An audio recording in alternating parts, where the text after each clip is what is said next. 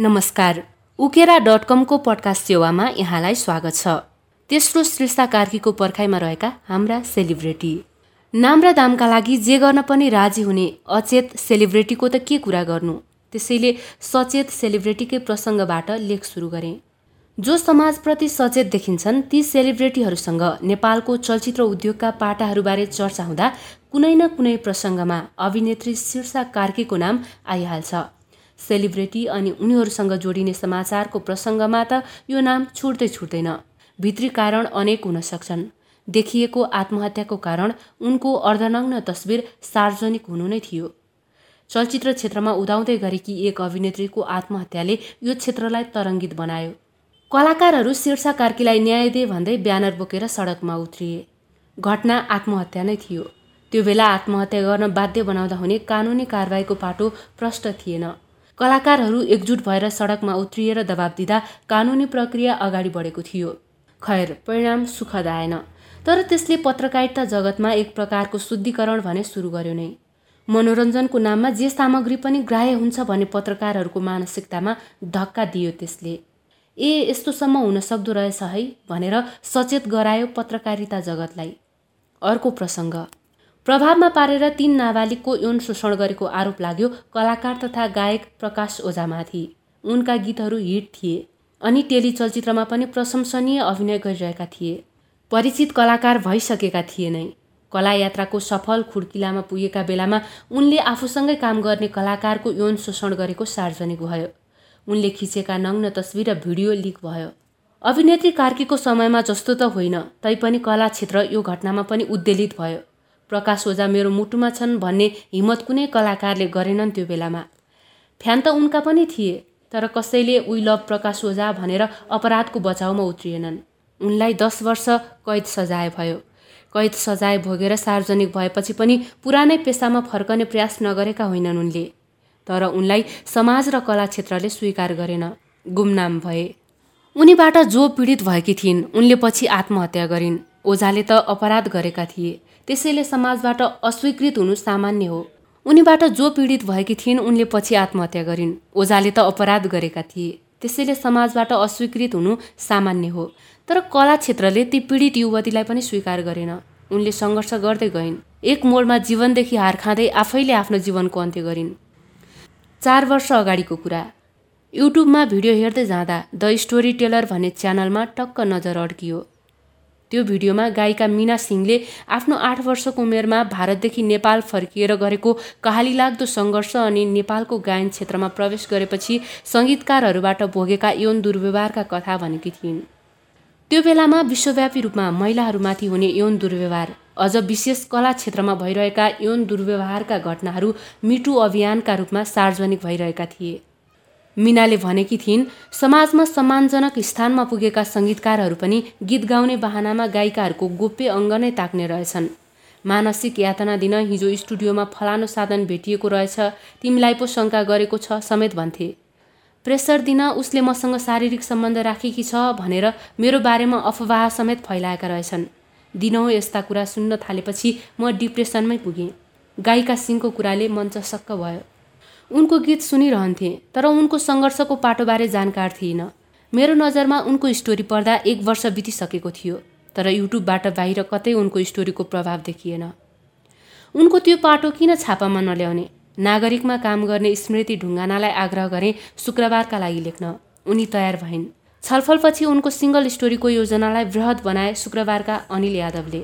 उनले नेपाली सङ्गीत क्षेत्रमा सङ्घर्ष गरिरहेका गायिका एन्जिला रेग्मी प्रविशा अधिकारी सरु गौतम अनि सुशीला पाठकको तितो अनुभव समेटे मिनाको स्टोरीसँगै। एन्जिलाले भनेकी थिइन् उहाँ हार्मोनियमसँगै बस्नुभयो गीत सुनाउनु भयो मलाई गाउन भन्नुभयो। त्यति बेरसम्म ठिकै लागिरहेको थियो। एकछिनपछि हात समातेर आफूतिर तान्नुभयो अनि काखमा बस्न भन्नुभयो म त टुवा परेँ। बाउसमान मान्छेको नियत मैले बुझिहालेँ प्रविशा अधिकारीको अनुभव यस्तो थियो। मैले रेकर्डिङका क्रममा छोएर बोल्न खोज्ने सङ्गीतकारहरू भेटेको छु। हात लगाएर बोल्न खोज्छन्। छोएरै बोल्नुपर्छ भन्ने हुन्छ र मलाई त त्यस्तो पच्दै पच्दैन उसले कुन नियतले छुन खोजिरहेको छ भन्ने कुरा थाहा भइहाल्छ। स्टोरी प्रकाशित भएपछि तरङ्ग आयो सङ्गीत क्षेत्रमा तर त्यो तरङ्ग परिवर्तनसम्म पुग्न सकेन। स्टोरीमा यौन दुर्व्यवहार गर्ने सङ्गीतकारलाई साङ्केतिक रूपमा बुझाइएको थियो। नाम उल्लेख थिएन। पीडितको नाम उल्लेख थियो। यसमा हाम्रो चुक भयो। लेख्नुपर्ने पीडकको नाम। सङ्गीत क्षेत्रमा भएको अपराध सार्वजनिक भएपछि त्यस विरुद्ध सङ्गीत क्षेत्रका प्रभावशालीहरू सक्रिय होलान् भनेको त उल्टो हाम्रो क्षेत्रको बेइज्जत गरे भन्दै बहिष्कार अभियान चलाए। धन्न त्यसले धेरैको करियरमा नकारात्मक असर परेन। प्रविशा त अहिलेकी हिट गायिका हुन्। स्टेज कार्यक्रमका नाममा कलाकारले भोगेका यौन दुर्व्यवहारबारे दोस्रो समाचार प्रकाशित भयो तर सुधारको सङ्केत आएन बहस भएन। तेस्रो स्टोरी रङ्गमञ्चमा भइरहेको यौन दुर्व्यवहारबारे प्रकाशित भएपछि त्यो क्षेत्रमा हलचल भयो। सङ्गीत क्षेत्रको समाचार लेख्दा पीडितको पहिचान खुलाएर पीडकको लुकाउँदा उल्टो प्रभाव परेको पाठ सिक्दै रङ्गमञ्चको समाचारमा पीडकको नाम खुलाएर पीडितको नाम उल्लेख गरेनौँ। तर कानुनी चुनौती आएको हकमा सामना गर्न पर्याप्त प्रमाण भने थिए। करिब आधा दर्जन त्यस्तै यौन पिपासु नाम आएका थिए त्यो बेलामा। तर केही पीडित पछि हट्दा नाटक निर्देशक सुनिल पोखरेल राजकुमार पुडा सैनी अनि राजन खतिवडाबारे मात्रै लेखियो। पीडितले नाइ भन्दा जो जसको कर्तुत खुलाउन सकिएन ती अहिले आदर्शका गफ दिँदै हिँडेको देख्दा झनन्न हुन्छ। अब पीडितले नै भो भनिसकेपछि हामीले गर्न सक्ने के नै भएर। खतिवडा र पुडा सैनी संलग्न संस्थाबाट अलग हुन बाध्य भए। तर नेपाली नाट्य क्षेत्रको लिजेन्ड मानिने सुनिलमाथि नैतिक कारवाही समेत भएन। उल्टो उनलाई नाट्य क्षेत्रले बिस्तारै स्वीकार गर्दै गयो। चौथो श्रृङ्खलामा नेपाली फिल्म क्षेत्रमा हुने यौन शोषण र यौन दुर्व्यवहारबारे खोजी सुरु भयो। अन्तरङ्ग कुराकानीमा केही महिला कलाकारले आफूले भोगेका यस्ता घटना खुलाएका थिए। ती प्रकाशित पनि भए अन्तर्वार्ताका बिचमा। तर घटना एकमुष्ट नहुँदा त्यसको प्रभाव परिरहेको थिएन। चाम्रो नेपाली मनोरञ्जन क्षेत्र एक दुईको स्टोरीमै झस्किहाल्ने सम्भावना पनि थिएन। रिपोर्टिङको क्रममा कलाकार निर्देशक अनि यस्ता व्यवसायीहरूको नाम आए कि छक्कै परियो। उच्च तहका व्यावसायिक घरनाका पिआर म्यानेजरहरू चासो राख्दै फोन पो गर्न थाले। त्यो स्टोरी पुरा नहुँदै म शुक्रबारबाट अलग भएँ। स्टोरीको अनुसन्धान अगाडि बढ्न सकेन। अहिलेको प्रसङ्ग। नाबालिग गायिकाको बलात्कार गरेको अभियोगमा चर्चित अभिनेता पल शाह प्रहरी हिरासतमा छन्। ओझापछि यसरी कलाकारमाथि उजुरी परेको यो दुर्लभ घटना थियो। कला क्षेत्रका बदमासीबारे करियर भन्दै वयस्क कलाकार समेत पीडा पिएर बसिरहेको बेला एक नाबालिगले करियर र भविष्यको नतिजा नहेरी गरेकी निर्णय सलाम योग्य हो। तर यो घटना प्रहरी कार्यालयसम्म जाहेरीका रूपमा पुग्नु अगाडि कला क्षेत्रका चल्ता पूर्जामाझ गोप्य भने थिएन। कतिले मिलाउन मध्यस्थकर्ताको भूमिका खेल्यो भने कतिले बार्गेनिङको टुल्स बनाउने प्रयास गरे। कतिपय थाहै नपाए जस्तै गरेर बसिरहे। जब घटना जाहेरीको रूपमा प्रहरी कार्यालय पुग्यो त्यसपछिको अवस्था झन् लाग्दो देखियो। केही मौन बसे केही पल्सा निर्दोष हुन् भनेर अनुसन्धान नै प्रभाव पार्ने गरी सक्रिय भए। न श्रेषाको समयको एकता देखियो कलाकारमाझ न प्रकाश ओझाको पालाको झैँ समवेदना नै। प्रेमीले मेरो भावनाको खेलवाड गर्यो भन्दै मिडियामा धुरु धुरु रोएको पूजा शर्माको अनुहार फनफनी घुम्न थाल्यो। पल शाह जिन्दाबाद भनेर नारा लगाएको जाहेरी दर्तापछि फरार भएका पलको फोटो प्रिन्ट भएको टी सर्ट लगाएर पल र पूजाको मुटु एकै हो कसैले छुट्याउन सक्दैन भनेका दृश्य झल्झली आए।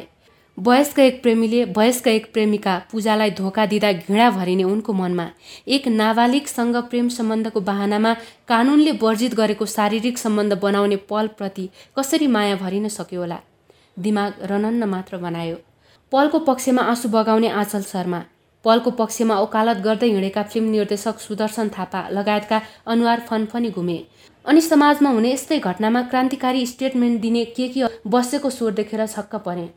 केकीले त केही समय अगाडि कपाल खौरिएकी थिइन् महिला सशक्तिकरण भन्दै। पीडित नाबालिगको पक्षमा बोल्दा महिला सशक्तिकरण हुने हो कि कपाल खौरिँदा उनी जानुन्। यता जस्टिस फर पल भन्दै नारा लगाउने फ्यान देखेर हाँसो लाग्छ मूर्खहरू। हिजो मलाई यस्तो भएको थियो भन्ने ती कलाकार अनि ती रङ्गकर्मीको सामाजिक सञ्जाल चाहरे। अह केही भेटिन। खिन्न लाग्यो।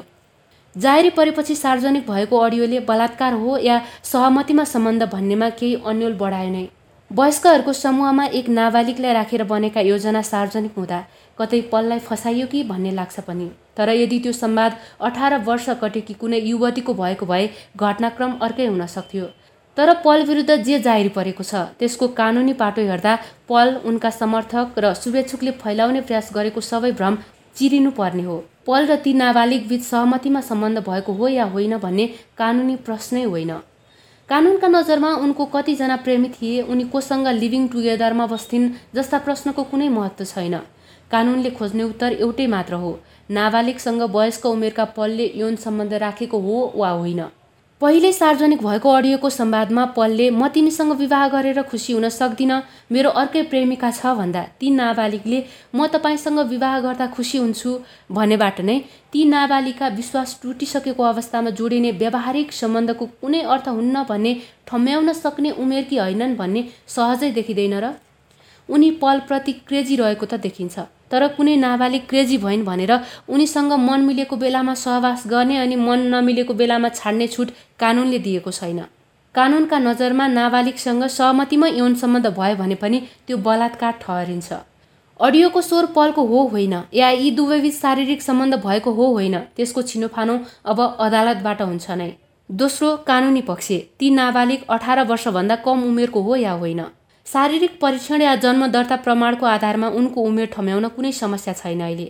नाबालिग पनि हो र सहमतिमै या जबरजस्ती या फकाएर जे र जुन अवस्थामा यौन सम्बन्ध भएको भए पनि पल बलात्कारमा सजाय भोग्न योग्य पात्र हुन्। बस कानुनले त यही भन्छ। जाहेरी दर्ता भइसकेको अवस्थामा अनुसन्धान प्रभावित पार्न र आफ्नो पक्षमा सहानुभूतिको माहौल बनाउन पलले सामाजिक सञ्जाल फेसबुकबाट अडियोहरू सार्वजनिक गर्नु र उनी निकट भनेर चिनिएकाहरू उनको पक्षमा उभिनुले पनि यो घटना पूर्ण फेक हो या होइन भन्ने दृश्य देखाउँछ नै फ्यानको बलमा पल जोगिन खोज्नु सामान्य नै हो। नाबालिगको बलात्कार गरेको आरोपमा को जेल जान चाहन्छ र? त्यसैले पल र उनका परिवार सकेसम्म यो अभियोगबाट जोगाउने प्रयास गर्छ नै तर वयस्क सेलिब्रेटी अनि उनका फ्यान यी तथ्यमा कन्भिन्स नहुनु छक्क पर्ने दृश्य हो। एक नाबालिगको पक्षमा उभिनुको साँटो बलिया पलको पक्षमा उभिनु खेदजनक त भइ नै हाल्यो। हिजो निर्मला पन्तको न्याय माग्न justice for Nirmala hashtag share गर्नेहरू आज जस्टिस फर पल शाह भन्ने ह्यासट्यागमा रमाउनु कतिको जायज होला? तर नेपाली मनोरञ्जन क्षेत्रका हस्तीहरूको मानसिकता यस्तै देखियो। पर्दामा देखिने उनीहरूको क्रान्तिकारी छवि साबुनको फोका मात्र हो भन्ने उनीहरूले नै पुष्टि गरिरहेका छन्। सेलिब्रेटीहरू पीडितको पक्षमा होइन नाफा घाटा हेरेर पक्ष विपक्षमा उभिन्छन् भन्ने त हिजो साम्राज्ञी राज्यलक्ष्मी शाह र फिल्म निर्देशक तथा अभिनेता भुवन केसीबीच दुर्व्यवहारको घटना सार्वजनिक हुँदा भुवनको पक्षमा देखिएको माहौलले नै पुष्टि गरेकै थियो। केसी फिल्म निर्माता हुन्। उनको विरुद्धमा बोल्नु भनेको उनले बनाउने फिल्ममा अभिनय गर्ने गाउने निर्देशन गर्ने लेख्ने लगायतका अवसरबाट वञ्चित हुनु हो। साम्राज्ञीको विपक्षमा बोल्दा त उनले के नै गर्न सक्छिन् र। अहिले पनि त्यस्तै दृश्य दोहोरियो। पाँच दिन लुकेर अनुसन्धान प्रभावित पार्दै नाबालिगको चरित्र हत्या गराउँदै परिचितहरू प्रहरी नियन्त्रणमा पुगेपछि बाध्य भएर सरेन्डर गरेका पलको पक्षमा देखिएको दृश्यले नेपाली सेलिब्रेटी अझै धेरै शीर्षाको पर्खाइमा छन् भन्ने देखियो। के नेपाली रङ्गक्षेत्र यस्तै हो त? अन्यायमा परेकाको पक्षमा हुने ओकालत केवल पर्दाका लागि मात्रै हो त? तत्काल यो उत्तरबाट हाम्रा पूजा र सुदर्शनहरू जोगिए पनि भोलिका दिनमा कहीँ न कहीँ यसको उत्तर त दिनै पर्छ। म यही उत्तर आउने समयको पर्खाइमा छु।